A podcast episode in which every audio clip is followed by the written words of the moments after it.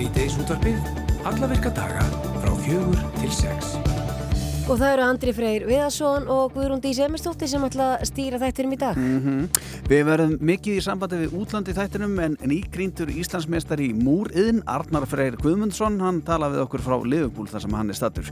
Arnar Freyr nældi sér í Íslandsmeistartitilin í Múriðin á Íslandsmóti yðn og verkræna sem að framfórum síðustu helgi. Og keppninu var veist æsi spennandi, menn við heyrum meira af því hérna eftir. Og nú í dag hefur staðið ÖBI réttindarsamtöku standa fyrir.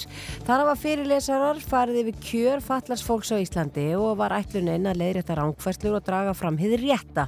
Einnig voru kynnta niðurstöður nýra gallupkönnunar á viðhorfum almennings til kjara öryrkja. Alli Þór Þorvaldsson, formaður kjarahóps ÖBI réttindarsamtaka, verður hjá okkur strax á loknum 5 fréttum og allar að upplýsa okkur um það helsta sem að framkom á málþinginu í dag.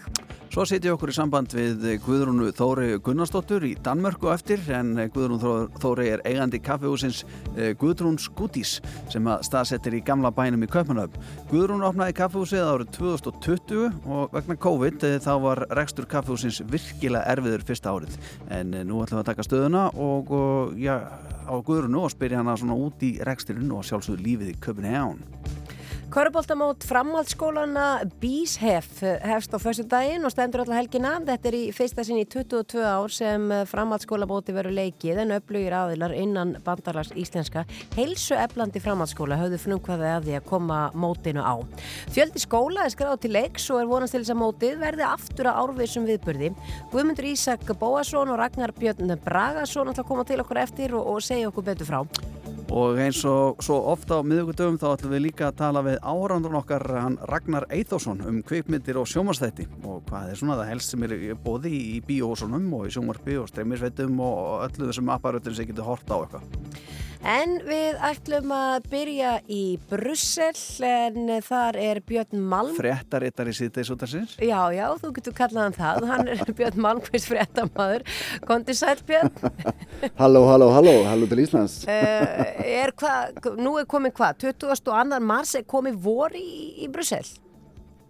Um, ég, sko, ég er eiginlega hættur að þóra að tala um verið á meilandi Európu með það hvernig það hefur verið á Íslandi en hérna sko já og nei það er, þú veist, í dag hvað er nýju tíustega hitti, rigning og rók það er ekkit sérstætt veður sko en, en, en, en það segir hér allir að voru þessi svona um það byrja að skrýða innum dyrnar. Um, en, en mér svona, ég var að skoða veðurspána fyrir næstu tíu daga eða eitthvað, mér, þetta verður bara svona einhver svona skíjað svona svolítið, svolítið gjóla, svolítið rigning, þú veist, ekkert, ekkert frábært sko, þetta var, ég var hérna í fyrra í byrjun april og þá var miklu betra veður, en ég held að það sé nú alltaf saman að koma, ég, ef, ef við tölum saman aftur eftir viku þá Það var kannski sveipa veður en, en útlitt fyrir betra myndi ég, myndi ég ekki ská. Já, þetta er alltaf komið. Þetta er kjör aðstæður fyrir Íslending.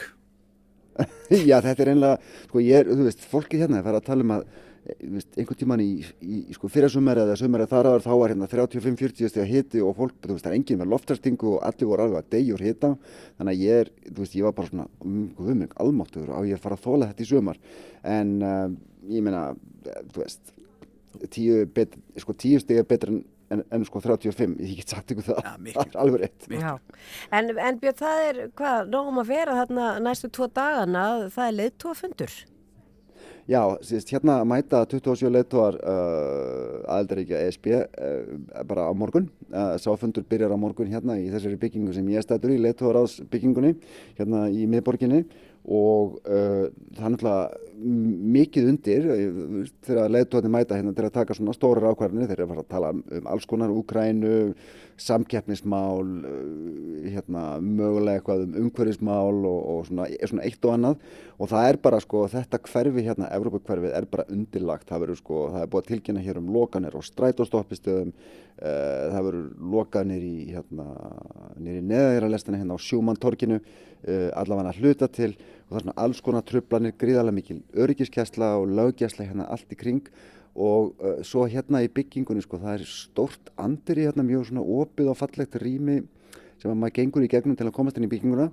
Það er búið að, sko, er búið að stilla upp svona nokkur hundru borðum fyrir, fyrir, fyrir fréttafólk og, og hérna og það er búist við sko, ég var að tala með einhvern veginn hann sagði mér að það er svona má búast við svona 2000 fréttamönnum og fréttakonum sem var hingað að mæta uh, til, þess að, að fylgjast með þessu fundi. Það er svona, það er svona fyrir upp og nýður eftir tilefninu, þetta er svona kannski var að segja svona leittóafundur af meina svona hvað sé, hefbundnar í gerðinni, það er verið að taka fyrir stór máli en þau eru ekkert ofsalega svona þú veist það er engin, það er engin krísa þannig séð þannig að þú veist það er kannski minni áhugi heldur en stundum áður en það er alltaf mjög mikil áhugi og, og það sést ljós, ljóslega af þessum undirbúringi sem er, er búin að standa hér í nokkra daga og svona alltaf fyrir allt í ganga morgun. Já. og við verðum það líka. Já, þú komið stól þarna við okkar borðið Ég kom með stól. Ég er búin að merkja með borð, ég er búin að merkja með borð líka Já, já, En hvernig er það Björn að því að eins og þú segir, þú veist það er náttúrulega lokað eitthvað, eitthvað í neðanjara lestunum og strætóstöðar og svona.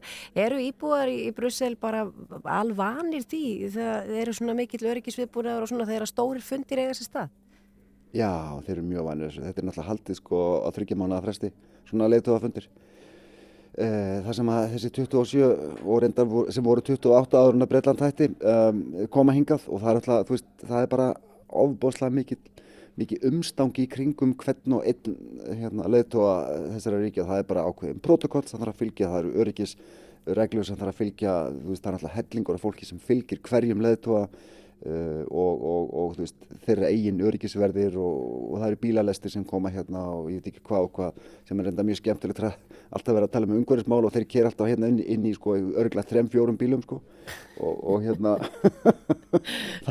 en hérna en svo reyndar sko líka í dag eru sko 20, og- það eru sjö ár liðin upp á dag frá, frá hriðiverka árásunum í, í Brussel hérna 2016 Já. þegar, hérna hriðiverkamenn riðust á, á, á hérna flugvöllin og lestastöð sem er hérna bara ne, svo næsta við hliðina mér sem heitir Malbec Já. og þess var minnst í hérna rétt hjá í, í, í morgun uh, með, með blómsveigum á minnismerki, mjög fallegt minnismerki sem er hérna rétt fyrir ofan bygginguna sem ég er stattur og, og þar voru, sérst, voru 32 sem fórust í þessum árásum og yfir 300 sem særðust og það var svona, eh, svona hátileg og frænt sorgleg stundin í morgun um, á, á þessu, á þessu hérna, á þessum degi mm til að minnast uh, þessa fólks. já. Uh, Björn, uh, svona yfir í, uh, já, ég, svona verkefni sem við settum þér hérna í, í síðustu viku þegar við vorum að ræða við um belgísku vöflurnar og, og við kvöttum þið eindreið til þess að fara og smakka þessa vöflur og segja ykkur alveg frá, uh, þú gerði það? Þú ert harður húsbóndi, Já, já, Andri, það er takk. hvað að segja. Takk. Herðu, ég, hérna, já, ég lofaði þessu síðasta miðvíkudag og ég náttúrulega var að standa við það. Þannig að í dauðatímanum, þið tekki dauðatíman eða ekki, hann, hérna, þá, ég held að það vera að mándagsmorgunin eða eftirmynda, þá skrappi ég, þá skrappi ég hérna út í bæ og ákvaði að gera mjög, eigum að segja, óvísindalega rannsókna og belgískum vöflum. Við skulum heyra hvernig það fór.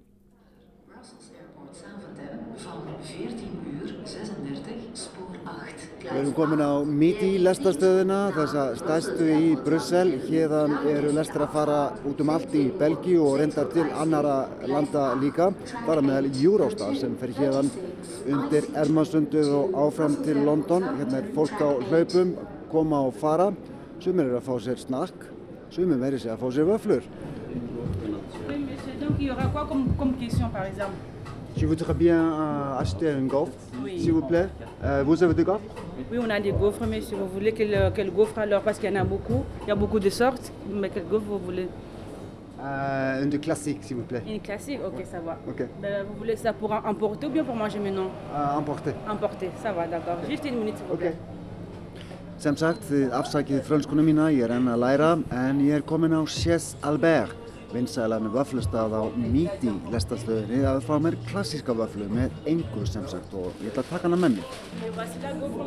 Très bien, madame, merci bien. Vous, le gaufre, c'est très populaire ici. Oui, oui, c'est populaire en fait à la gare ici. Donc en fait, il y en a beaucoup ici, mais ça c'est plus un peu. euh, euh, allez, comment je peux dire ça? C'est plus euh, les, les, les lièges waffles en fait, c'est ça en fait. Donc euh, ça c'est plus bon que les autres, je vais dire. Parce qu'il y a, il y a deux types euh, de, de Des gaufres, oui. Oui, oui, oui. Il y a de Bruxelles et euh, de Liège en fait. Mais nous, c'est spécialisé. Vöflur eru sem sagt afar vinsalar með að fólk sem að kemur við þarna og afgriðslukonunni finnst Liège vöflur betri en þær sem eru kendar við Brussel. Það eru nefnilega tvær tegundir. Liège vaflan er ávöl í læginu og sætari, Brussel vaflan er ferköntuð og degið er aðeins öðruvísi og hjá Alberti eru bara til Liège vöflur, ekki veit ég af hverju.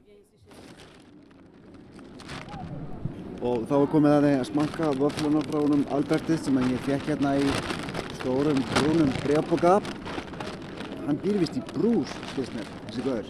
Og, byrjum við. Mmm, herru, hún er sigruð. Mmm, bara eins og, bara, ég verð að segja betri heldur en vöflurnar sem að mamma gerði fyrir mig í gamla daga. Mmm, þetta voru góð kaup og ég mæli með þessum lís vöflum frá Alberti hér á lestastöðinni, hér á Míti lestastöðinni í Brussel. Mm. Námi.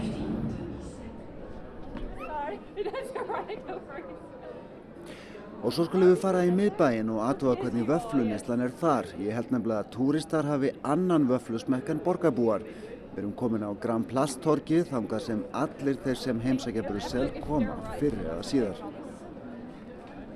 Það er talsvert mikið af fólki, við hliðina á mér eru túristar að taka myndir af túristum, það verður að, sanna að maður hefur verið hérna. Það er ekkert rosalega mikið af fólki en það er frekar svalt, uh, kannski 9-10 stiga hiti, engin sól, um, vorið svona lætur býða eftir sér hérna í Belgíu. En það er af fólki fullt af fólki hérna að fá sér snakk þar á meðal vöflur og við ætlum að leita uppi einhvern stað hérna í nágruninu sem að selur þessa gæða vöru. Já, þannig að ég er komin hérna í búð sem að er rétt hjá Grand Place, hún heitir 8 and 3 og nú ætlum ég að fá með vöflu. Uh, can I have a waffle please? Yes, please. Uh, which waffle you like? Well, uh, let's say I'm a tourist. What would I like? Okay, we have most famous one with the chocolate, like uh, Belgium chocolate, uh, white chocolate, milk chocolate, Nutella, banana, strawberry. So which one you like? Everything is possible. Ég bað sem sagt um túristavöflu og hann Fassar sem er upprunalega frá Pakistan bauð mér vinsælistu vöfluna með súkulaði, belgísku að sjálfsögðu, hvítursúkulaði, mjölkusúkulaði og eða með jarðaberjum. Það er allt í bóði, segir Fassar. Hann segir að borgarbúar í Brussel vilji frekar þessar klassísku, ferðamenn vilja þar með súkulaði og ávöxtum og hann er meira segja til í að setja tómatsósu eða majónes á vöfluna ef einhver skildi byggja um það. We have uh, also almonds, uh, speculoos, Oreo, or sometimes people like ketchup mayonnaise. We put it, no problem. Ketchup. Just kidding. Thank you so much. Um, nice to meet you. Nice to meet you. Þetta er alveg, ég meina, þetta er bara... þetta, er ítalegasta vöflu umfjöllun sem að við nokkuð tíma fengið og ég held bara í heiminu sennilega. Þetta var alveg magna. Það er margt sem að þetta er margt sem skilur eftir hérna. Sko, það, er, það er sko, eitt sem að hjó eftir að, að það eru jafnvel betri en vöflunar hjá mömmu og svo var ég að velta fyrir mig, er þetta flórsikur eða er þetta bara svona venluður sigur? Ég held þetta sé flóðsikur, ég skoða það ekki sérstaklega, sko það er ekki, sko, þú veist, það er ekki búið að dreifa svo, sko, sigur onu og það eru bara sætar, þú veist, degið er bara sætt, sko. Og það er smá munur á, á deginu, sko, í Liège-vöflum og í Brussel-vöflum. Ekki beða mig samt að útskýra það, Nei, nei. ég fór ekki það djúpt í þetta. Það. En, en, en, en, en þessi Liège-vöfla var alveg sjúklega góð, ég meni, ég þorði valla að segja þetta, en þær voru eiginlega betri heldur en þær sem að mamma bjóði. Já, þetta var svona, þetta vinningu. Já, já, þetta var eitthvað neginn svo Með fullri gluggi inn í lífið í Brussel maður. Það var sannlega, Björn Malmqvist, eh, við ætlum bara að þakka þér fyrir og uh, sleppa þér og leiða þér að fara undirbúðið fyrir þér fyrir. Kjærlega fyrir þetta vinnur og, og bara njóttu. Heyrumst af viku. Bless, bless. Bless.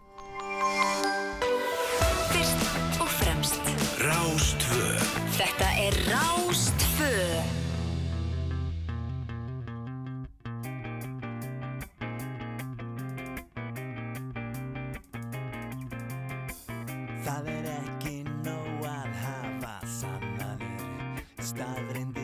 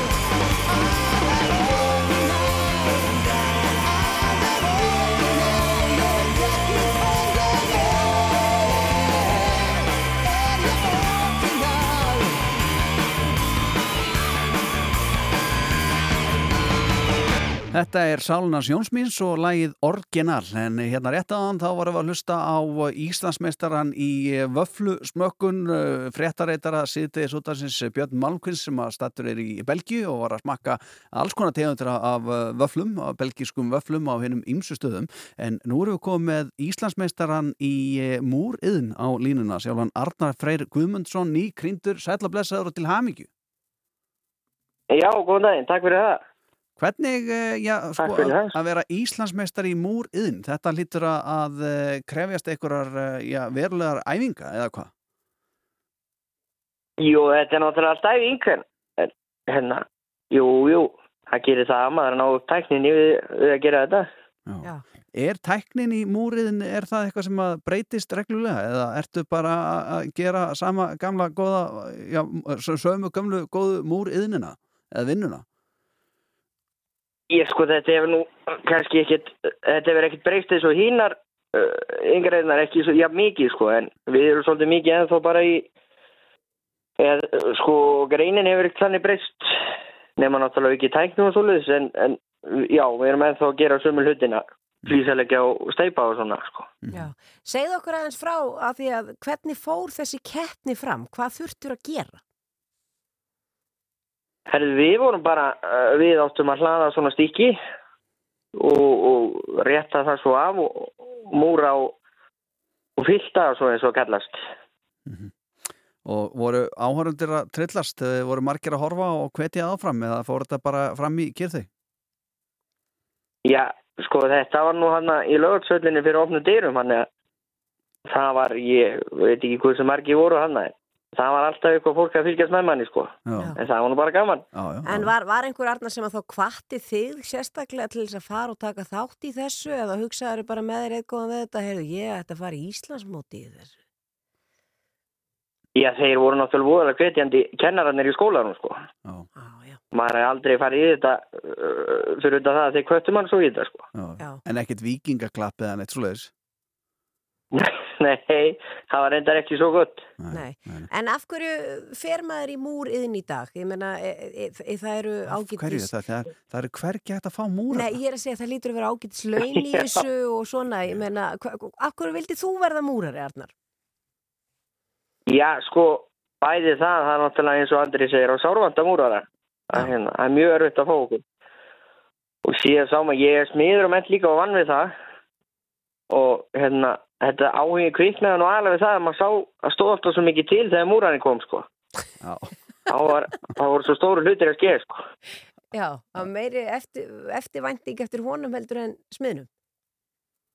Já, við vorum náttúrulega alltaf hann að bara þvælast fyrir eitthvað strákarnir nefnarni sko, síðan kom múrarinn og Já, já.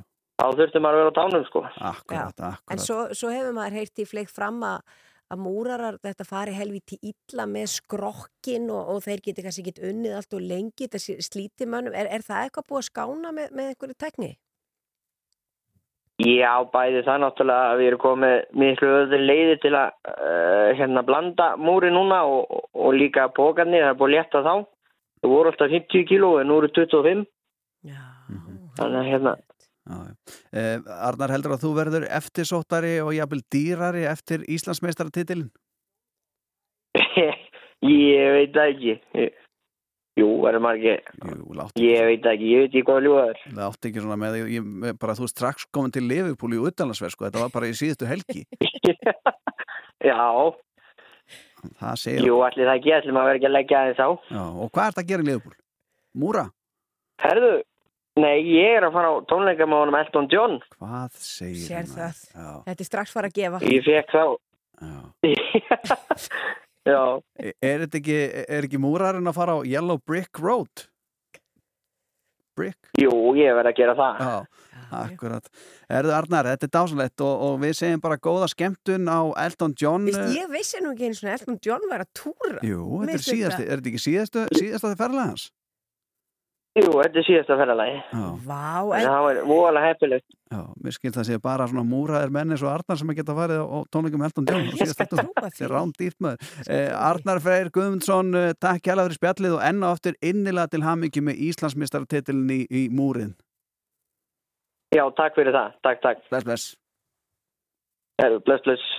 Þetta er geggjaði ná. Þetta er bara, þetta er sko Hann er- Íslandsmeistaratitilin. En ég er að velta fyrir mér. Bílnum hans. Nei, Múrara bílnum. nei. Mer merkingum á múrara bílnum. Þegar Íslandsmeistar í múriðin. Ég ber brjálaða virðingu fyrir múrurum. Þetta, þetta er mjög erfitt starf. Er bara, En pældi því Já. að búið að létta pókana úr 50 kílóum í Mhm. 25 kíló. Það tók samtalið bara ára 10 átt að segja því að það geti mögulega hjálpað. já, Sko. já, já, Já. já. En, en, En Arnar tekur þrjá, skilst það. en svo er ég að velta einu viðbútt fyrir mér. Mhm. Hann hlýtur að hafa verið löngu búin að bóka þessa mið á Eldon eða heldur bara eftir að vann titilinn þá hafa hann bara hugsað, heyrðu, Já. ég ætla að láta að redda mig bara hérna Já, já, miðum já, á já, Eldon, já, ég já. borga bara það sem Já, þarf. það er allt uppselt, já, ég borga tvöfald, það er allt uppselt, Já. trefald, allt uppselt, Vá. tífald, já, orðið, það eru tveir miður hérna Þetta er fremsta bekk. sko, Eldon, ég vissi ekki að að túra hér. Jú,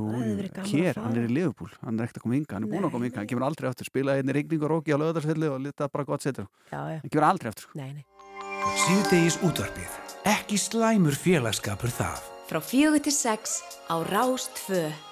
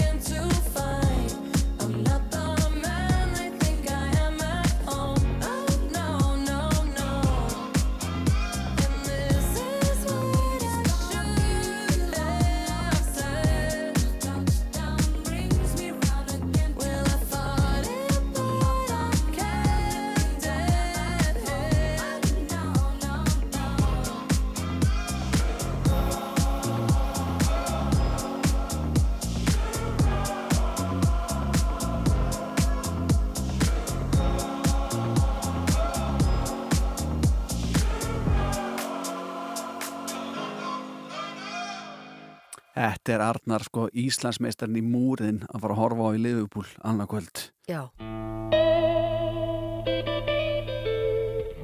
Það er komið að veðrinu. og meðan við ætlum bara að fara að lesa upp hérna veðrið næsta sólaringin En sko- Arnar er út á tónleikum sko. ég, með listan hérna lögunum sem Elton John er að taka á þessu tónleikaverleikuna Já, ég er líka átt að með á einu að Dua Lipa, Mhm. sem er með honum í þessu lægi og þetta er náttúrulega bara staðist smellurinn hans sem að kom náttúrulega út núna svona síðri ár og hún býr bara í, eða er bara frá London. Já, þannig það er alla líkur á hún, hún taki lestina. Það stutt að fara. Eða þyrluna eða hvað sem hún gerir. Föttuðu þið ekki brandara minna orðaleikin hérna? Því Yellow Brick Road. Já, þetta er sko sko tónleikaferðarlega heitir Farvel Yellow Brick Road World Tour. Hann er múrari, Já. brick. Já, já, er það ekki, eitthvað? heldur það að sé þess vegna sem hann er á þessum tónleikum? 100% og sko Elton John hann byrjaði tónleikin á Benny and the Jets. Dú, dú, dú, Hvað tekur hann svo? Uh, Philadelphia Freedom svo ég ætla bara að henda sko, yfir smellina sem hann tekur hérna sko. svo náttúrulega Tiny Dancer tekur Rocket Man Oh. tekur Like a Candle in the Wind. Það er díunulegið og hérna á, þetta er nú ég, ég lag hérna. Sad songs I say so much. Hann tekur það. Já, já. hann tekur Krokodilrockið uh, Don't let the sun go down on me uh, fyrsta sko náttúrulega Saturday Night's All Right for Firing tekur hann. Hann ekki öruglega I'm still standing? Nei, hann, nei, hann tekur það ekki. Ha? hann tekur það ekki, hann á svo mikið á lögum Grundís. hann tekur líka Hann sko ræður ekkit við það lengur nei, lægið sem við vorum að taka hana Cold, Cold, Hard hann tekur það sem fyrsta uppklöpunarlægið Já, Dúa Lípa lítur að koma þá. Já, og svo hann dillaði sér aðeins þar, dansar svona, svo, svo sest hann niður píanoð, tekur Your Song. Svo hver hann alltaf á Goodbye Yellow Brick Road hugsaður, þetta Þá mun Arnar Múrari trillast. Mér finnst eiginlega að þjóðin ætti að borga undir þetta ferðalega fyrir hann Arnar, af því hann er Íslandsmeistar í múrin það er það sem ég finnst en, eh, Við munum gera það þegar við bókum hann sem Múrari náttúrulega en meðan hann spókar sér um í, í Liverpoolborg uh, núna í kvöld og svo hann, á morgun þá er hann að fara að njóta svona tónleika dagsins, það er alltaf stór stund sko hvað verður þið að gera hérna? Hvernig, hvernig verður hjá okkur? Hvernig er? Vonandi skálan það er búið að vera allavega síðasta sólarhengin Það er hægt minkandi norðaustanátt 10 til 18 sent í kvöld jél víða um land en bjart sunnan á vestanlands. Það verður svipaveður á morgun en dregur þó enn frekar úr vindi. Og frost 0 til 10 stig og það er kaldast í innsetu norðaustanlands. Það er aðtöðasemt hérna frá okkar viðfræðingi, það er norðaustan uh, stormur, suðaustan til og vestfjörðum. Og uh, uh, svona kortið fallegra á morgun uh, svona, svona ílska í kortin í dag, svona fjólubláður og rauði litir og svona, er fallegra á morgun og eitthvað, hvað, ég veit nú ekki síðan, hvað er að frétta af hana, færðinni? Það var alveg... það er bara ófært víða um landgunum ég held að sé alveg óhætt að að þetta voru lokaðir já, já, Lokanir. það, það er bara ég, akkurat, eins til dæmis hérna, já, tökum dæmi um hana. Vegurinn er enn lokaður og nálar upplýsingar var klukkan 19 en möguleiki er að náttúrulega fara fyrir tröllaskaga þú veist það, þú veist, fara þá bara Ólusfjörður og Siglufjörður og allt þetta og, já, já, en, en það er hvast í elegangur og skafringur þetta er svona dæmi, svona dæmi sjú tekin sko, þetta, þetta var lokað í morgun og, og, og það er lokað til dæmis með Örðalsöðravinn það er vegur bara enn lokaður vegna lífeyskegnis og Mývas Örðavinn, þau eru líka enn lokuð og, og, hérna, og vopnfæraheiðin, en þá fólk ekki að vera á ferðinni þar uh, það er bara vittleisa þegar, Já. þegar þetta er svona já, sko. minnst ekki á það, Já, mm. og, og, og fjardarheiðin hvernig með það? hún er áfram lókun. Þó, það er svolítið sjá. En fylgdarastur er frá lókunarliðinu eigistöða megin uh, hérna, klukka 15 Mhm. og tilbaka frá golfvellinum í seðisfyrir klukka 15.45.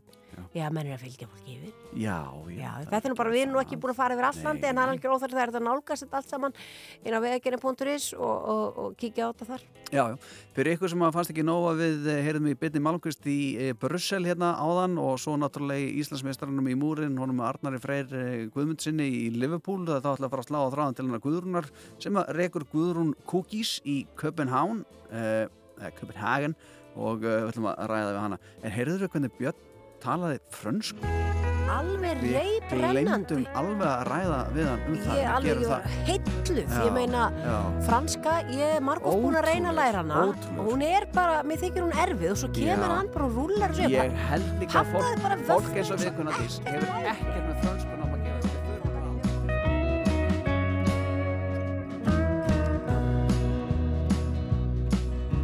Grab your coat, put on your shoes, let's go.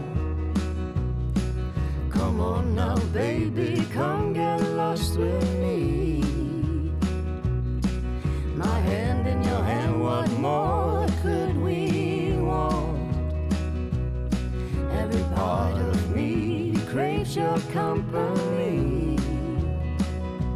Gonna have fun tonight, fide.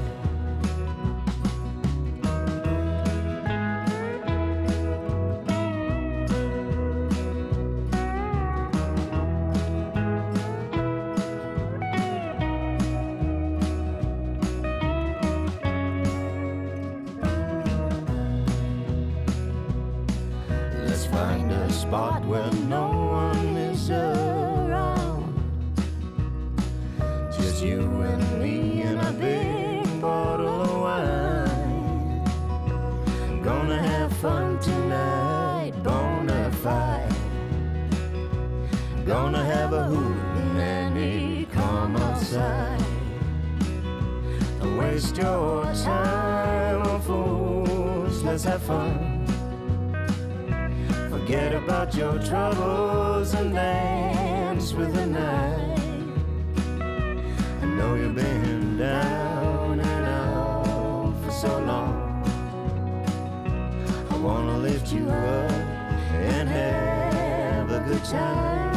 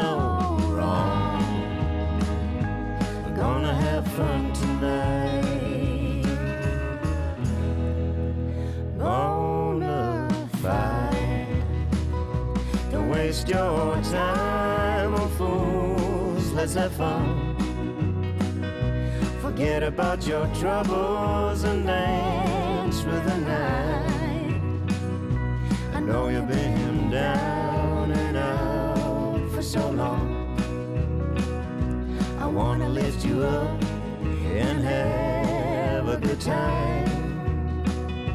We're gonna have fun tonight.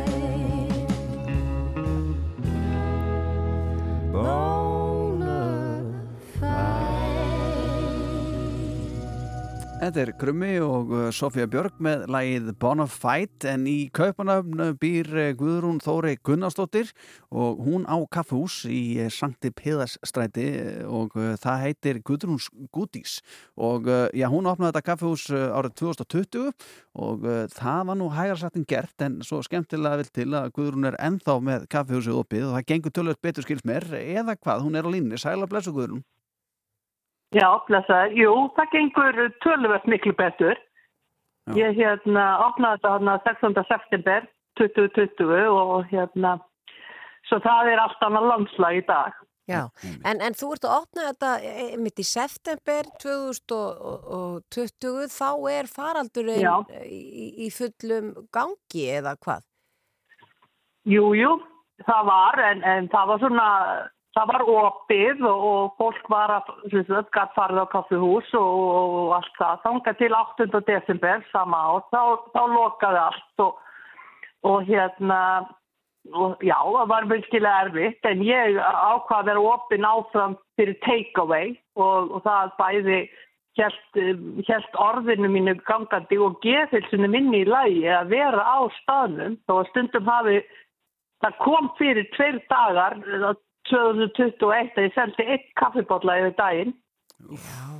Það lítur að vera askotið þungt.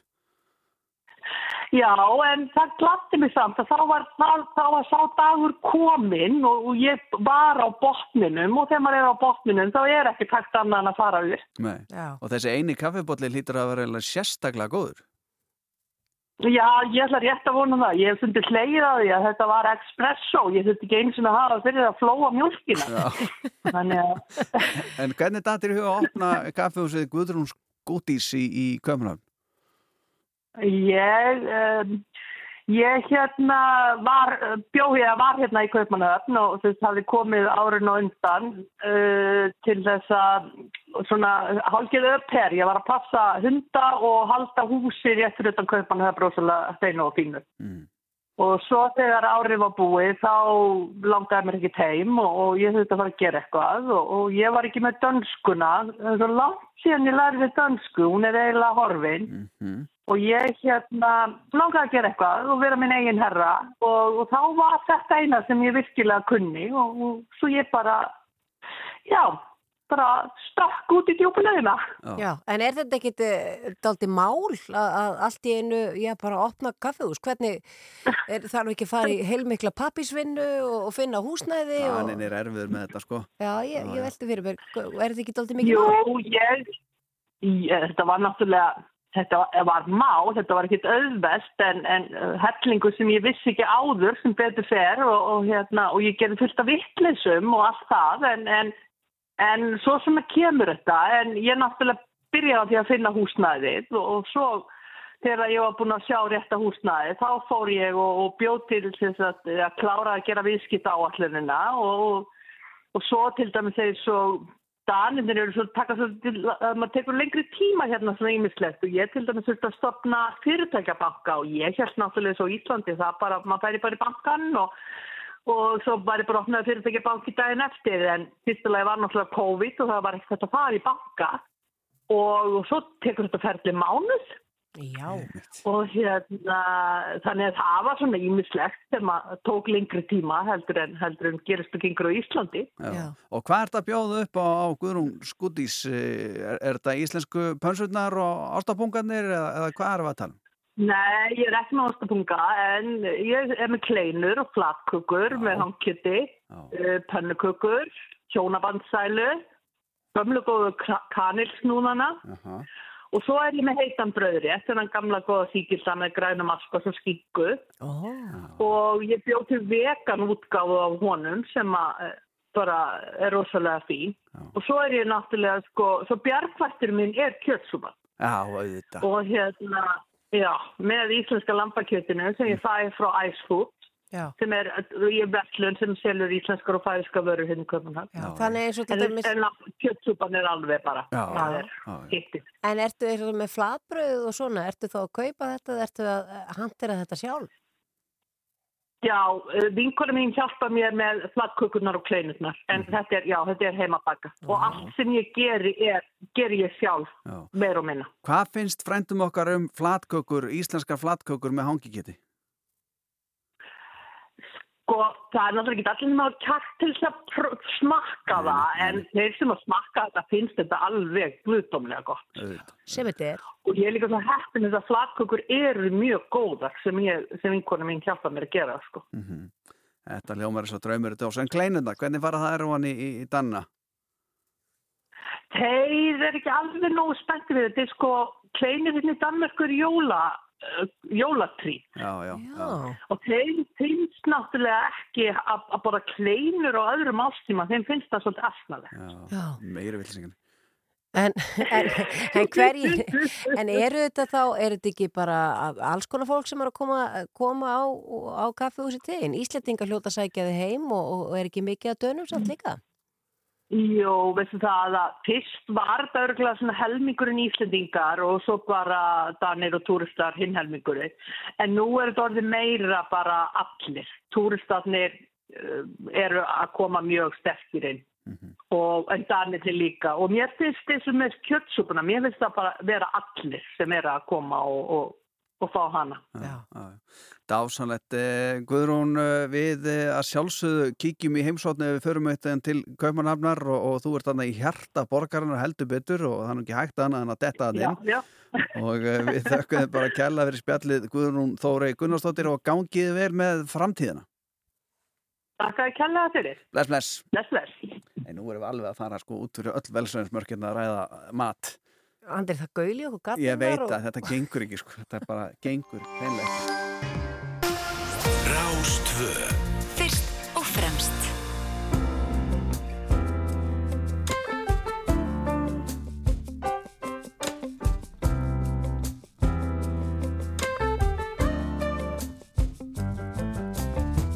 Slip sliding through the day to day, nothing on my mind, I was in was a couldn't find my way back.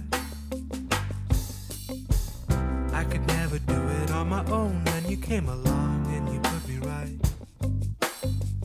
Take my hand and we'll get out of here, driving to the night. I was living in the haze, couldn't feel my face. Lost all track of time and space, felt like I was sleepwalking. Nothing can go wrong if you're here tonight. And if you plan on staying long, we can sit and watch the sunrise. Early on, I almost broke it off, went back to my cynical ways. Those days without the sight of you left me with malaise. Thoughts will never cross my mind. Promise that I won't make the same mistake. Same mistake. I swear that's the honest truth, cause I know the stakes. Couldn't keep my head above the waterline. Lost all track of space and time, felt like I was sleepwalking. Friends will come and go, there'll be highs and lows. In the end, I hope you know that I can never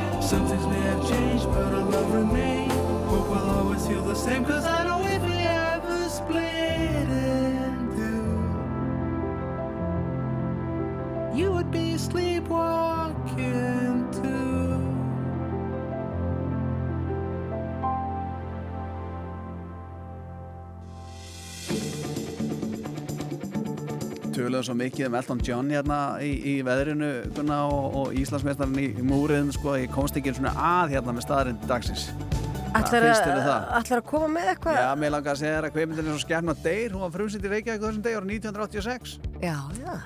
Já.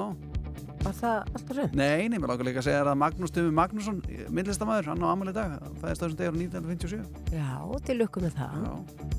Það er ekkert búið, sko. Svo var líka Rakel Lóadóttir, knaspindukona, hún á ammali dag. Nó. Það er þessum degi árið 1981. Já, já, já. Eitthvað meir? Ég get alveg sagt meir, ég menna skálsa Halldórs Lagsnes, Satónstöðin, hún kom út á þessum degi árið 1948 og seldist upp samdægus. Og það er ekki danska hugsunum það er eitthvað jóla eitthvað eins og með kleinum sko. bara bara kleinar um jólin bara við vestlum ekkert bækur bara um jólin það seldist upp bókin bara Í mars. í mars Já. 22. mars Já, ég menn, þetta er náttúrulega líka bók sem að við vorum látið lesa síðan í skóla. já, ég ánar reyndar eftir, eitt tekan ekkert í að Ha? já, já Last hann ekki í skóla? Nei, ég bara komst hjá því Nú. Ég las alltaf bara aftan á bækunar og reynda að komast ekki um prófum þannig, það gekk aldrei Gekk það vel? Aldrei, Nei. aldrei nokkuð tíma Það hefur alltaf verið alveg á dýftina þar. Nei, nei Nei, nei. Jæja, halda áfram. Nóg framöndan í síðdeis útvarum rættir Við skulum fa- fara bara í nútíman Já, já, við, það er nóg framöndan hérna hjá okkur. Við ætlum að uh, í dag hefur staðið málþingið satt á logið um öryrkja sem að öpi í réttindasamtök standa fyrir og, og þar hefur ímilslegt komið fram og við ætlum að fá Alla Þór Þorvaldsson, formann kjarahóps öpi í réttindasamtök. ætlum að fara svo yfir það helsta með okkur hér á eftir. Já, svo er það Ragnar Eithórsson áhorðan okkar ætlar að segja okkur nýjastu tíðindi af því sem er að gerast á steimusveitum og í bíósum Já, og svo er það körpallta mút framhaldsskólanum. Það held ég Þú ert að hlusta á síðdeis útvarpið Á Rástvö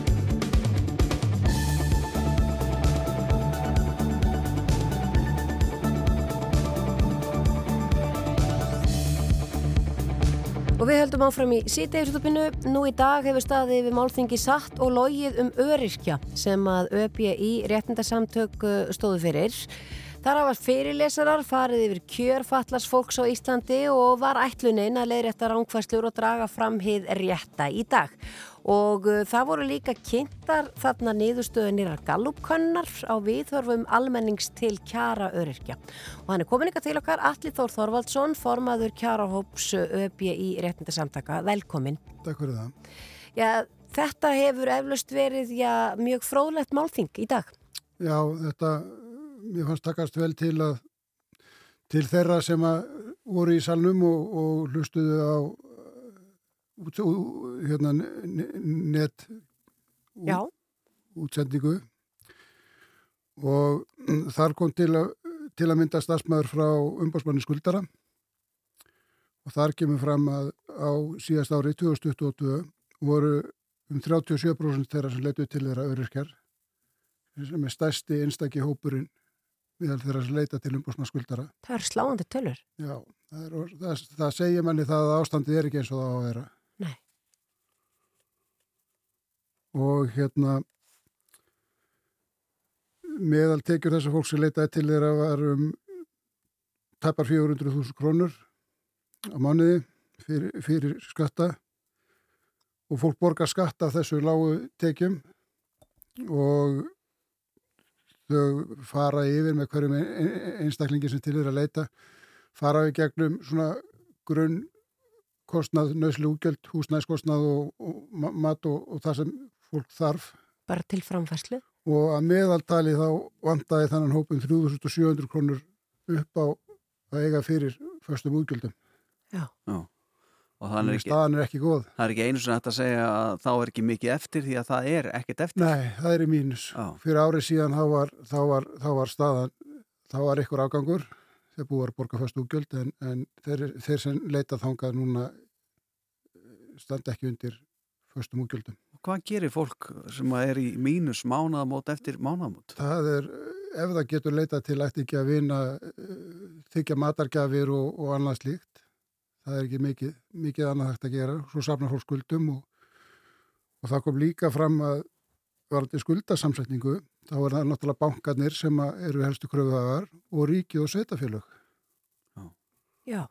Og það er til dæmis mentasjóður námsmanna, fólk sem að hérna, menta sig og verður svo fyrir áfalli og, og fallast Og hlýtur örguð. situr uppi með kostnaðan að því að menta sig og fara ekki niður feldan. Já, Já. Já, Já. Þannig að það er einhvern veginn, já, hekkur sá lífa skildi. já, það er svolítið svo leið, sko. Já. En, en sko, svo einmitt, mér fannst svo áhugavert það að þið værið að taka viðhorf almennings til kjara öryrkja og Já. þetta var þarna kallupkönnun sem að var gerð. Uh, og getur þú aðeins kannski, já, farði við það með okkur, til dæmis, ég veit að þarna var einn spurning um það, hvað heldur þú að örorkubætur séu háar og svo var líka að tala um hvað finnst þér að að vera háar og svo framvegis. Já, það er rétt og, og það kannski til að byrja með þá hefur greinilega eitthvað skila sér málflutningur okkar til fólks. Það eru yfir 80% sem töldu að bæta þyrti kjörurkja í þessari könnun sem er heldur meira heldur en var þegar sambarlega könnun var gerð fyrir þreymur árum. En uh, út úr þessari könnun kom að fólk taldi að öryrkin hefði 279.000 á meðaltali eftir skatt útborgað Já. uh, taldan ætti að fá um 390.000 en ef þau sjálfur myndu missa starfsketuna þá þyrftu já það var 580 og eitthvað þúsund og, og, og flestir mertu við þyrftu yfir 600 krónur á mánu Já, þannig að það getur einhvern veginn ein... útborgað til þess, að, til þess að geta lifað mannsamandi lífi eins og, eins og talað var um. Já, þannig að viðhorf almennings er það að það gæti sjálft ekki lifað á þessum. Já, það, Á- á það, það, skýr niðurst út úr þessari könnun. Já. En sko, og svo einmitt það sem að eins og nafnið á þessu málþingi satt og logið um, um hana, öryrkja uh, og þið ætluðu að, að svona að leiðrétta rángfæslur og draga framhið rétta. Og Hvað, hvað voru þið svona að fjalla svolítið um þar og hvað voru þið að leiðrétta? Já, við byrjuðum meðal hans að, að því að draga fram kjörurkja og tókum dæmi til dæmis um einstakling sem er í toppi með greislur frá tryggingastofnun, hefur enga launatekjur og, og en- enga lífrisjósgreislur. Í þessu dæmi var, var talað um 18 ára einstakling sem er með hreyfuhemlunamatt og ef hann er með bíl í rekstri þá fær hann eitthvað greitt fyrir það. Þessi einstaklingu fær 373.000 krónur útborgar uh, herra kemstu ekki með þig sjálfan eða þú ert ekki með aðra á framfæri og við tókum dæmi um fertuan einstakling sem að hérna fær 20.000 krónur minna. Svo fær hann 100 krónur í launatekjur og hann er ennþá undir þessum einstaklingi og svo fær hann annan 100 skalli viðbót og, og í lífeyriskreislur er það með 200.000 í laun og lífeyriskreislur og er samt með talsveit lagra heldur en sá sem einstæðingurinn 18 ára sem að það eru glærur sem að verða byrta sem að, sem að sína hvernig þetta er samsett og þetta kemur bara beint úr rekni vel tringastofnunar sem sýnir hvað fólk raunverulega hefur Já. Og svo er, er, var líka eitt erindi þarna í dag sem að heita fordómar og lúksusliðið öryrkjar Já. og það er nú kannski eitthvað uh, það sem að þið hafið líka velja einhvern veginn leiðréttar ángfæslur því að Já, það, það eru, ég, ykkur, ég hef öryrkjum eru síndir fordómar oft og einmitt uh, talað um það að, að já, þeir sem að sjó öryrkjubótum, já, hafa það svo gott, það sé allir að greiða fyrir þá einhvern veginn. Og, Já, það er, það er ríkt í þessu þetta er, þetta er svo ríkt að þeir sem búa við föllun hafa fordóma gagvart sjálfum sér finnst erfitt að ef, ef fólk hefur hlutastarf eða, eða, eða getur hreift sig og, og gert eitthvað til að viðhalda hilsunni þá segir fólki sjáðu, sjáðu hvað þessi getur en það sér ekki einstaklingi næstu þrjá daga þegar hann er að jafna sig eftir það sem hann gerði Já. Já, já. vegna þess að hann er að glíma með föllun og fordómar kakvart sjálfur sér eru ríkir en svo eh, ástæði fyrir því við vorum að byrta þessa tölur í raunverulega tekjur er þessa tröllasögur sem ganga alltaf einstaklingin sem hefur það svo gott og er að svíkja svo mikið út í kerfinu Kerfisfræðinga nefnir. Já, En, en við hjá örgjumaldrann við þekkjum ekki þessa kerfisfræðinga og við þekkjum bara fólki sem leita til okkar vegna þess að það kann ekki einu sinna að sækja það sem það hefur rétt á. Já. Var, var þungt uh, hljóð í fólki í dag? Þú veist, það er, já, enn einn stýrivakstahækkunin, það er alltaf hækka og, og hvernig, eh, ég er þungt hljóð í, í félagsmönnum bara varandi það, hvernig það eigir hreinlega að ná endur saman næstu misserinn? Jú, það er, ég verði ekki að það, ég er með Parkinsonsjútuminn og kom inn í, inn í örkjabandalagi svolítið grænt fyrir því hvað fólk hefur það virkilega slæmt. Ég hef búin að vera á vinnumarkaði ára tíu áður en ég veiktist og, og hérna búin að koma mér ágætlega fyrir. En það er bara enga veginn bóðleg kjör hjá fólki sem að sem að er á örorku og, og hefur ekki, ekki búið að koma sér fyrir í lífinu áður en það lendir í þessum aðstæðum. Eh, það eru það, það er mjög erfitt með þess að sko fólk sem er fallað í hjólastól á erfitt með að eh, hérna, viðurkenna fyrir sjálfur sér vikundi sér fallaður og það hefur sínt sig meðal öryrkja að fólk vil vinna fólk vil geta komast út á vinnumarkaðin það, það, það leikur sér engin að því að sækja sér bætur sem það á rétt á og ég veit ekki nokkurn mann sem getur unnið vinnudag og hérna þurfti þá að vera á, svörtu til þess að fá tekjur því að það skerðast bætunar frá tryggingastofnunum leið og hefur ykkur tekjur. Og hérna þetta, þetta er svo erfitt þegar þú sest niður átt að ræða við fólk og, og, og segja frá því hvað þú raunverulega hérna, upplifur og sérði kringu því hvað fólk hefur það skýtt þá kemur alltaf fljótlega já en ég veit nú þennan sem að hefur það svona svona gott og þetta er bara ekki svona. Nei.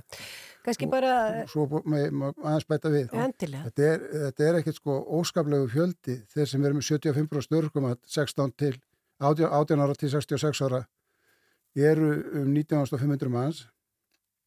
Og hérna þar að veru yfir 17.000 sem get ekki unnið hafi, hafi ekki neina tekjur og hérna þetta eru 5,2% landsmann eitthvað svo leys og það, það, það, er, það er eins og sé, menn séu að hrætti við að gera eitthvað fyrir öryggi þá verður svo mikið skriðað að þeim.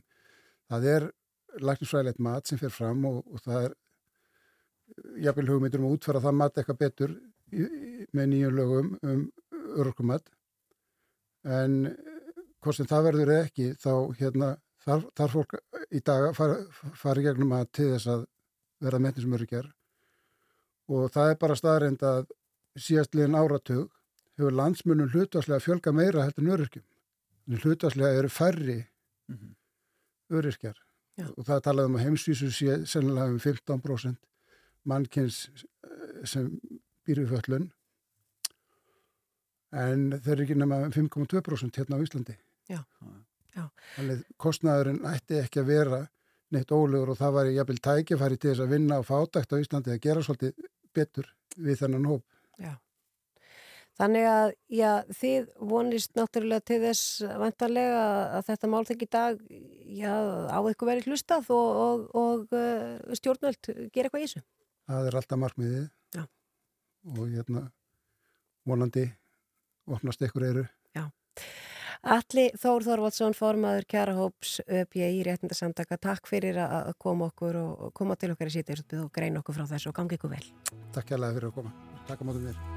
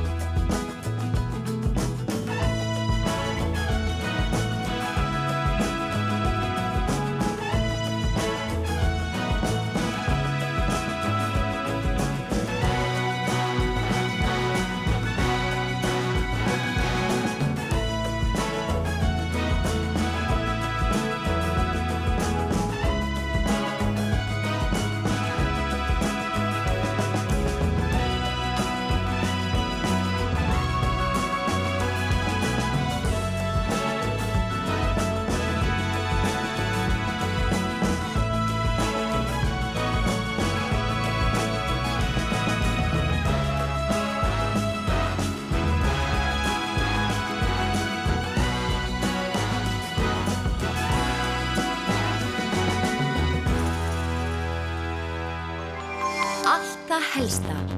Sýti í sútvarpið frá fjögur til sex á Rástföð.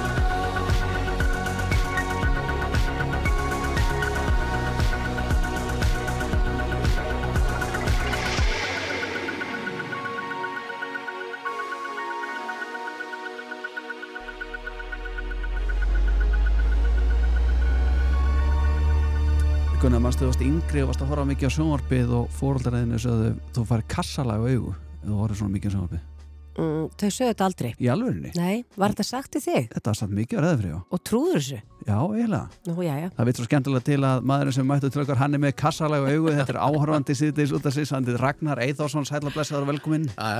Heyrðu þú þetta aldrei það? Já, ég byrjaði bara svo snemma sko, þegar voru bara held ég fjagar ára kassalega. Já. Ég ólst upp í bandaríkunum og seint á, í nýjöndartögnum og það var bara ekki takt að líti undan He-Man og Transformers og Thundercats og Vá, varstu fjagra ára í bandarækjum og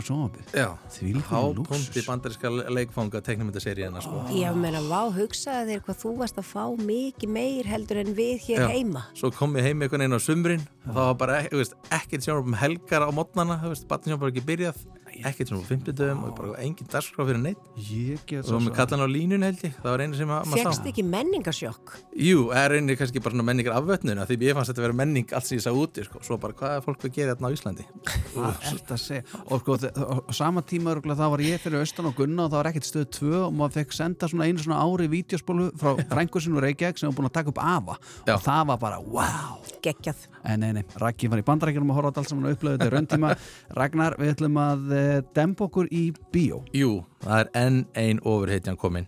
Þetta er Shazam 2 og hún hérna þetta er fyrir það sem er að fylgjast með ofurheitju heimanum það er náttúrulega tveir, Marvel og DC og það er búin svo mikið uppstokkun DC megin, Marvel er komin upp í hvað 30 myndir og DC verðist alltaf vera svona byrja búið nýtt, byrja búið nýtt og þetta er síðasta myndin sem er sínd áður en þetta bara stokka öllu búið nýtt. Já. þetta er hérna, Shazam er svona þetta er skemmtilegt, þetta er munalust strákur sem að kynnist töfurmannum Merlin og ef maður segir orðið Shazam fær hann ofurkrafta. Þannig að þetta er ofurhetja sem er samt badn í hjarta. Hm. sem náttúrulega gerir þetta svona erfiðar allar svona siðferðslegar ákvarðinir og þetta og hitt og hvað er mikilvægt við að vera ofurhetja sem er náttúrulega bara að vera hjartarheim Já, sko DC hefur gengið svona frekar erfilega að, að komast í þessa hæðir sem að Marvel hefur verið í undanfærin ár Já. hvað vinsaldi var þar og gæði líka. Eh, hvað með þetta? Þeir nefnilega, já, þessi er í léttari kantunum. Ég fer með minn hérna, hvað, 7 og 12 ára ása mynd. Og þetta er mynd sem að svona augu þeirra lýsast upp og kjálki fyrir í gorf og horfa mig bara, wow, sástu þetta, þetta er svo mikil gleði eins og þessar myndir eiga að vera. Það var aðdóldið með mannski svo Superman sem er DC megin, hann má ekki vera svona grimmur og þunglutur Nei, nei, nei, nei. þó hann sé munalýsingi Akkurat, akkurat, það á ekki að reyna að mann gera óðurhættunar Nei, þetta er ævindir, þetta eru hefst, grísku góðsagnar okkar tíma. Eða bara þú veist, bara eins og veist, eddukaðin, náttúrulega Þór og allir þessi vittlisingar sem voru að rampa stömmin í Jötunheima og sækja hammar og hinn og þetta, þetta, þetta er ævintýri, ekki eitthvað bara svona alvarlegt sem að, þú veist, já. Eru stóruleikarar? Þetta, er- þetta er hann Sakari Levi sem er hetjan. Mm. en það er geggja að sjá hana Helen Mirren. Já. Óskarsverðana leikonu hún leikur þarna einhverja gamla gríska gifju sem er aðal óþokkin sem er að Já. lemja hann hittin okkur í spað Það og Lucy Lou Það er nú vikt í því og náttúrulega Lucy Liu líka, hún Já. er, hún er geggjuð. Þannig að fyndi að sjá svona að- meiri sé að þú ert búin að vinna Óskarsvölin þá ertu samt að reyna að koma þér inn í orðið í bransan. Þetta er bara, bara það gaman ert komin á staðin. Eh, Ragnar eh, fyrir eh, Gunnudís sem að vill eh, helst vera heima, hún er heima kær, eh, fer sjaldan í bíó, það kemur þó fyrir. Eh, er eitthvað svona fyrir hana að horfa á heima í sjónvarpinu? Ég veit, þú varst að hrifja Elvis bímyndinni, eða ekki? Alveg rosalega. Þá fannst mér mjög skrítið nefnilega að það er komið teiknumynd um Elvis, Agent Elvis og þetta er rauninni sagana sögð út frá því ef hann væri njósnari. Svona háleinileg samtök, svona skrefnu lengur en CIA, fá Elvis Presley, að því hann svo frægur, hann kemst hvert sem er, fá hann til að bjarga heiminum nokkur sinnum. Þetta er mjög góð hugmynd. Já. Er þetta eitthvað fyrir þig? Gunnar? Ég veist, ég, ég er bara aldrei heitt fyrir þessu, og en hann Matthew McConaughey er, er leika Elvis með sínum fallega Texas Framey hérna bara og, Vá, Þetta og er- er, er, þetta fyrir börn og fullorna? þetta er eiginlega bara fyrir fullana þetta er rosalega ofbildisvöld og gróft og mikið að þú veist, já fullanislu aðstöðum Já. og, þarna- og svo skrítið samt þegar hún Priscilla Presley, eiginkonans hún er svo sem framleiðir þetta og þróar þetta og tala fyrir sjálfan sig Það er svolítið manna. Þetta gerist á sjönda ártögnum þú veist, þarna er Elvis að tengjast ferð, fyrstu skrifum manns eins og jörðina nei á tunglið og. Marl, enna, Charles Manson og alls konar svona stórar fígurur Já, þetta er alls ekki fyrir börn. þetta Já, er alls ekki fyrir börn en, Elvis er að blandast inn í alla þessa stóru hluti sem En- en, gerast á Já, þetta er mjög spennandi hugmynd. Ég er að fara að horfa á þetta. Já, ekki? Já, flott er, ertu með meira fyrir Gunnu? Já, ekki þú ert kanta vaff pjennaðin og húlu af því að eitt, eitt svona Nei. þekktasti grínisti sögunar, hann Mel Brooks Já. hann var að skila af sér sjónvaserju alveg upp á þurru mun eftir History of the World part 1 Mhm. og hún hétt part 1 af því að það var bara svona jóki var að það var bara þessi eina mynd og hún var 81 þannig að núna 42 mánu setna skila hann part 2 Já. og þetta eru sjónvastættir 8 sjónvastættir á Hulu sem eru svona skópstæling af mannkynsögunni frá hellisbúum, Jésu Krist rannsóknrétturinn, annar spænski og alls konar svoleiðis Já. og svona jafnvel í framtíðina þú veist, Er, er það í svipuðum dúr og, og, og, og fyrir, fyrir hlutin sem að þetta var jú, mikið á svona svona, hvað er sem að svona spúfmyndir, þeir eru að blanda núna Jésu við hérna Get Back bítlamyndina, Já. þannig ímyndir eins og hvernig Jésu og, og, og félagar er að svona klára síðasta albúmi sitt og svona áður en að Jésu hverfur og, og svona það er að slitt um samstarfið og Júdas er ekki alveg tilbúin að vera með í, í nýjasta læginu og þetta hitt og Mhm. Já, þetta er já, svona mjög já, skemmtilega nálganir á mannkísögunni Já, Ragnar, svo fyrir svona fólk eins og mig sem að vill alltaf vera sko að horfa allt nýtt Já. og uh, vera svo sem bendir öðrum á að horfa eitthvað. Hva, hvað er eitthvað framöndan? Já, frammyndan er Já, maður segir nýtt, það er aldrei að vera að finna upp hjólið. Helstu myndinar eru end, endurgerðir eða framhaldsmyndir. Og við erum að fara að fá John Wick 4 Já, um helgina. Já, geggja Ég sá bara fyrstu myndina, þar sem hann fór í fílu eftir einhver draf hundinars Já, hann á- já, Já. og hvað gerði hann í 2 og 3? Var eitthvað Hann var bara að reyna að hefna og, og svo bara var hann einhvern veginn að drepa alla glæpumenn í borginni og, Já. og hérna, já, nú eftir þrjú, ég er búið með eitt og tvö og þeir eru mjög góðar. Okay. og ég þarf alveg að taka þrjú árin fyrir á fjögur Byrju, var hann að drepa alla út af hundi? Glæpamenn Það var eitt sko, já, Þeir var bara glæfminn sko. Átti allir skilja að degja sko, hann er mjög góður sko, þeir tóku bílnars Já, það er tvö? Ha, Já, rústuð honum, hann voru eigan að bíl lengi, elskaði mjög mikið sko. Er þetta, er þetta í bíó? Þetta kemur núna um helgina Já. sko, Já. að þetta er minn sem þú vilt sjá í bíó. Og þetta er með Keanu Reeves. Keanu Reeves. Það reyndar er strax að kveiki í Þetta mér. er heillandi, Já. þetta förum við þess að samakona er, er, er eitthvað meira? Já, svo er þessi segi, það, þetta er tímabilið þar sem að, að, að framhaldsinnar er að rinja inn. Já. við erum náttúrulega með á rúfspilarunum Datin Exit, þetta er þriðja seri Ah. og það er sem komið fyrst þegar í þættir og svo kom fjóru og fimm sem að gísli örleikstýrir Mhm. þannig að verðt að kíkja það Já. og, er allt komið nokkuð, nei Nei, er, ég held að það er eftir að setja síðasta þáttinn inn en allt annað er komið og Gísli, hann er búin að vera einmitt að fara við töl og, og svona og var að spjalla með okkur líka hann í Já, síðan já. spinu. Uh, hann leikstýri þess að uh, tveimur þáttum sem að eru teknir upp í Malaga á Spáni en eiga að vera að gerast í Suðu Fraklandi. Já. Svindl. Nei, nei, nei, nei, nei, en og hann er alveg brútal og var alveg brútal um það sem var að gerast í þessum Ofsafengin. Já. Eh, ofsafengin um það sem var að gerast í þessum þáttum og það var meðal annars, þarna voru, vor, var fullori fólk að, koma saman. Nei, hann, hann sagði þetta bara sjálfur sko, í einhverjum svona, já, einhyrningapartíum Já, þar sem að það var lítið um fött Já, svona er þetta að fólk á peninga. Ha, þá er þetta Já, svona. allavega og hann þurfti og hann var svona lýsaði líka, ég hlusta á eitt viðtal við hann bara hvernig var að vera leikstýra þessum senum, hann, það er svolítið sérstakt. Það var ekkert í svona bara samúðar strippi bara svona ég skal ágæði þér allspeð þá skal ég vera allspeð eitthvað. En þetta er allavega, þetta er, þetta er sko, það sem Ok. ég er búin að sjá á hann er fyrstu þrý þettinir og þetta er bara, þetta er stórbrot og þetta er Exit 3 Já. af því að svo á Disney er Mandalorian serið 3 þar sem Pedro Pascal er að fylgja aftur en litli batna á flaki sem er bara orðin eitt vinsans leikari heimi Já, og hann var að klára hérna Last of Us þannig að þeir sem voru að spara sig getur núna að færa það á sjónpsímans og tættið í sig. Og Last of Us serið 2, við skist að hún kom ekki fyrir 2025 Já, það er hérna mikið að vinna upp. Já. og svo er Ted Lasso er minn besta serið uh, í hitti vera í COVID fótbollamannin hérna bandaríski sem að teka við bresku fótbollaliði Mhm. Og það er serið þrjú var að byrja held ég síðustu viku. Annað þáttu komið í dag. Þetta er á Apple Apple TV, Já. Picard fyrir Star Trek nördana serið þrjú, hún er geggjuð af því að þeir eru heimsækja sko alla gömlu vinnans úr hérna Next Generation fyrir þá sem voru mikið í Star Trek á nýjunda ártöknu, Mhm. þá er það fólk að dúkka upp núna 40 seta mjög grátt í vingum á En- Amazon Prime. Á Amazon Prime. Og svo Succession sem að ég veit að margir býðið með undir hálsunum Já, vá. þetta er inn á HBO Max um helgina. Frábært, það er sker og sig frá hinum. síðasta þeir segja það að svo, þeir hefði ekki gert tvær serið viðbútt en bara pökkum sinni í eina styrlaða. Gekkja. Ragnar Eðarsson, uh, við ætlum að fara að senda þið aftur fyrir fram á sjónvarpið, yes. takk kjærlega fyrir þetta og við heyrjumst að vikulegin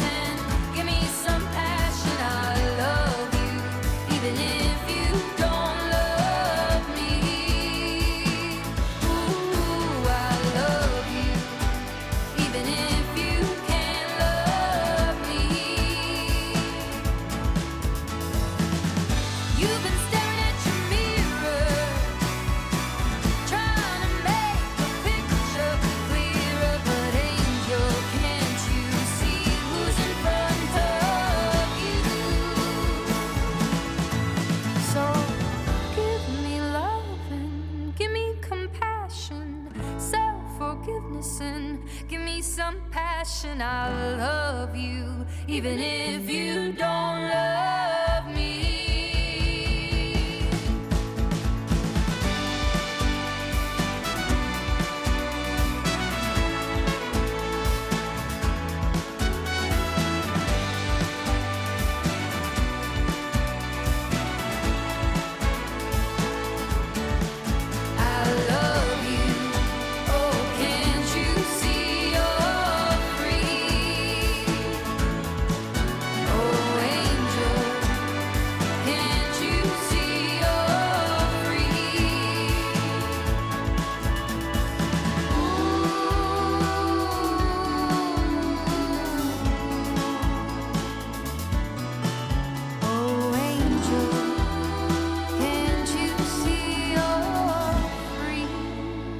Þetta eru First Aid Kit og lag sem heitir Angel Nei, Angel, er það An- Angel? Þetta er Angel, held ég, held ég. Við ætlum að fara að tala um körubólta, Andri. Já. Við ætlum að fara að tala um körubólta mót framhald skólana. Bís hef hefst á fæstu daginn og stendur svo alla helgina. Og þetta er í fyrsta skipti í 22 ár sem að framhaldsskólamótið eh, verður leikið en það voru öflugir aðilar innan bandalags íslenska heilsueflandi framhaldsskóla sem hafði frumkvæði að því að koma mótin á. Og það er mjög margir skólar að taka þáttnanda, það er mikil stemning, það er alltaf stemning á samfélagsmiðlunum og öllu, öllum þessum, öllum þessum stöðum, það er bara, bara múgaðsingur. Já, og við erum svo heppin að vera komið með sko, einstaklingar sem er ekki körubálta menn Já, eða sko, Já, þú veist, ekki þannig í þeim skilningi skilur því að náttúrulega viðtöl við íþróttafólk er oft mjög svipuð það er náttúrulega sama hvað íþrótt það er þetta er allt svipað, Já. en við erum með svona, hvað var að segja Áhugamenn. Já, og eitthvað svona með puttana svona halda utanum þetta já, ef við erum já, þetta. Þetta eru Guðmundur Ísak Bóasson og Ragnar Björn Bragason sem eru korringa til okkar, komið í sælir. Já, já, bara takk fyrir að fá okkur. Uh, já, strákar, þið eru byrjum á því, í hvað skólu, skólum er þið? Við erum í Vestlurskóla Íslands báðir og erum í íþróttanemndinni þar. Já, það er nefnd. Já, það er. Og hvert er ykkar hlutverk svona Já. í þessu móti svo, Ég kom þessu alveg nóg vel frá mér hérna rétt áðan kannski, en, en þið kannski getur gert það betur. Já, um, sko, í fyrra þá kom hana pæling hjá allavega hjá Íþró og bara hjá mér allavega, þú veist, ég er með mjög mikla, þú veist, pældi mikið í því, það er komið, við erum með getur betur, við erum með morfís og síðan erum við skólaðist í grunnskóla, en það er engin íþrótkefni í framhaldsskóla. Akkurat, já. Og þú veist, það er bara svona, þú veist, mér finnst það bara no-brainer, ég var í íþróttanemnd og bara af hverju er ekki neginn íþróttaupur og síðan fóru að hugsa út í hvað íþróttaupur ekki myndi haft og körubolt er bara svona, veist, þetta þurfti að vera þekkt íþrótt og síðan er bara köruboltaði, þú veist, þetta er bara svona lítill völlur og það er brjálu stemning í, st- í stúkun alltaf, sko, þú veist, Mhm. eins og maður sér í úslakefninni þegar, úslakefninni hjá KKI, þetta er alltaf bara brjálu stemning, sko. Já. Já. Og flesti skólar hafa einhvers konar aðstöðu til þess að spila körfið ekki. Jú, jú, það var flestir skólar uh, náttúrulega bara með mikið afreiksfólki og, og íþjóðahús til að spila sko. Já, og, og Ragnar, þið eru, sko, pælingin á baku þetta, að því að eins og Guðmundur segir, er það að, að af hverju erum við ekki að keppa í íþróttum í framhaldsskóla? Og en þið eru að svona reyna að, já, bara félagslega tengsl og einhver andlega líðan og svona, er það Já, einhver einmitt, við aðna, uh, náttúrulega erum, myndi ég segja, hafa lent vest í COVID, það er leiðilegt að nefna á nafn, en uh, við mistum svona að alveg að fyrsta árun okkar og þegar ég hugsa um framhaldsskóla, hugsa um félagslíf, hitta nýtt fólk, ógeðslega mikið stemning og við erum með 16 skóla sem er frá að taka þátt sem er mjög mikið það sem það eru bara 20 og eitthvað skólar á landinu og uh, það sem gerir þetta svona mjög skemmtilegt mót að það er skipt, uh, körpalt er í fjóru leiklutar og við ákveðum að átta stelpur spila tvoðum og stráka tvoðum þannig að allir skólar þurfa að koma með stelpulið og stráklið sem er þannig sé eitt lið. Og það sem gerir þetta svona einstakt er að um, sumi skólan alltaf er með svakalega sterkar stelpur en kannski ekki einsterka ster, vá, sterkar stráka. Já. og þá náttúrulega uh, er leikinni svo svaka spennið það sem stelpulið spilar helmingin og strákuliðin helmingin þannig að leikinni getur verið bara alveg og stelpunni getur, ein, skólinn getur að rústa í fyrsta leikluta en síðan koma strákunir inn á og það er allir í jafna leikin Já, en þetta er svo skemmtilegt í því eins og ég segi, þetta skapa mikið félagslega tengsl og, og bara liðsheild hjá þá stelpum og strákum. Já, einmitt, eins og við þekkjum alveg mjög marga múst, mentaskóla hér í, á höfuborgsvæðinu en um, ég þekki til dæmis mjög fáa sem eru fyrir með skóla bara hvaðan af, af landinu. Úst, það er FSU og FS er að koma að spila og ML þetta eru skólar sem ég þekki engan í og eru allir að koma allir á samstað, 16 skólar fólk hvaðan af landinu, allir að koma í eilisveitin að spila körubálta og fylgjast með Er þetta fyrirkomulag einhvers staðar annar staðar þar sem þið blandið saman, eh, er blandað saman kynjum inn á velli í sama leik, vitið það? Sko, Við höfum held ég aldrei kannski ekki íþrótt sko Nei. Ég, uh, kannski, þú veist, í Morfís og Get Better já, alltaf, já. þá er þetta bara jáft sko en þetta er ekki íþrótt Nei. Já. En þetta er sníðugt Já, okkur fannst það nefnilega því að við vorum í smá vesinni, þú veist, hvort ættu að hafa bara sér strákamót, sér stelpumót ættu að hafa, þú veist blanda liðunum, blanda liðunum eða eitthvað þannig, Mhm. en þú veist þetta var eiginlega bara langt bestnaða lausnið af því að eins og Ragnar segir, leikunum getur alveg snúist við og, og stelpunar og strákunar er alveg jafn mikilvæg, þú veist, já. það er bara allir fá að skína, sko Og svo er þetta bandala íslenska heilsueflandi framhaldsskóla þannig að ég menna það var einhversi kvíslaði að mér að það yrðu engar auðlýsingar á einhverju svona óhöllu á hliðaninni.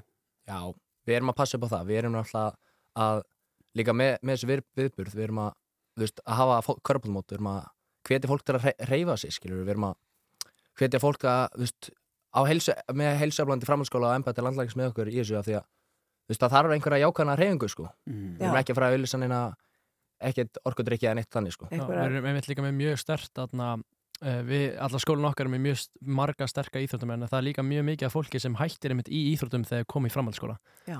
hafa stund af uh, íþróttir alveg frá því komið í tíundabæk bara all, all grunnskólarum sín en síðan þegar komið í framhaldsskóla ah, nám og eitthvað veist, að hætta. Já, en ef við erum með og þú hefur körfubolta þá myndi ég vonaðist því til að þessi nefndur vilja alltaf halda áfram með þessi þrjú ár til að reyna að komast í körfuboltaliði eða þetta verður svona svaka stór viðbjörn eins og við Akkurat, því þetta er einmitt þarna sem krakkarnir hætti í íþróttum, fara kannski bara einmitt að tróði vöruna Mm. og drekka orkudrykki og, jafnvel bús. Ja, hei, En- hei, hei, Nei, nei, nei, nei, alveg nei, nei. rólega. En þetta er frábært, en þess vegna viljið þið auðvitað leggja áherslu á það, þetta verði árvis viðbyrður. Já, já, það, það er nefnilega plannúmer 1, 2 og 3, að þetta verði, þú veist, við ætlum að vanda okkur að halda núna í fyrst inn og svo að þetta haldi áfram, sko. Já, þannig að allir vilji vera með. Já, við erum að búast auðvitað að vera stærsti viðburður af, já, menturskóla viðburður sem eru haldin allavega í ár og Já. eða ekki bara yfir síðustu 15 ár.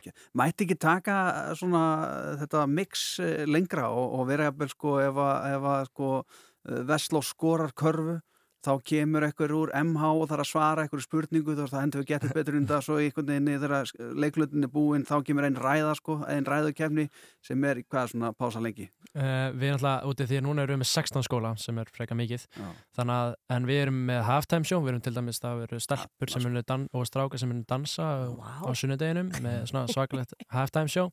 En þetta er verið frekar svona snögt en ég er sammála, það að bara Andri, þú þarf að fara grein líka þetta Það er að fara í- íþróttaráð Ég þarf bara að fara í Vestló fara í loksins að fara í klára mentaskólar En Guðmundur og Ragnar, hvar, það er fullt af fólki hérna úti sem hugsaður, heyrðu, þetta er frábært framtak, mig langar að fara og fylgjast með, er það hægt? Það er hægt á bsf.is á Instagram og bsf2003 á TikTok. Við erum á fullu þar að reyna að markera þetta. og viðburinn er auðvitað opinn fyrir alla Já. bara alveg frítt, þannig byrjar klukkan 20.15 er fyrsti leikur á fyrsteginum Mhm. og er bara opinn fyrir alla sem vilja, þannig er eilsöll Það er frýtt, það er frýtt inn og, og það verða shaken pizza verður með afslátt fyrir alla á bsf. Gekkja, þetta er Þetta er æðislegt. Þetta er geggja fyrir helgina. Já, heldur betur Uh, Ætlið þið að spila? Við ætlum, þau miður, þá komstu ekki í lið. Við verðum bara að skipulegja og, og þjálfa okkar lið Vestló. Já. við erum ekki alveg svona sterkir í köruboltanum Nei, nóg annað að gera líka Já, þurfi einhverjir að vera í þessu. Já, já, já, já. En við erum, við erum góði stöðningsmenn. Já. Gaman því. Guðmundur Ísak Bóðarsson og Ragnar Björn Bregarsson, bara gangi ykkur vel um helgina og góða skemmtun. Takk hella Takk fyrir.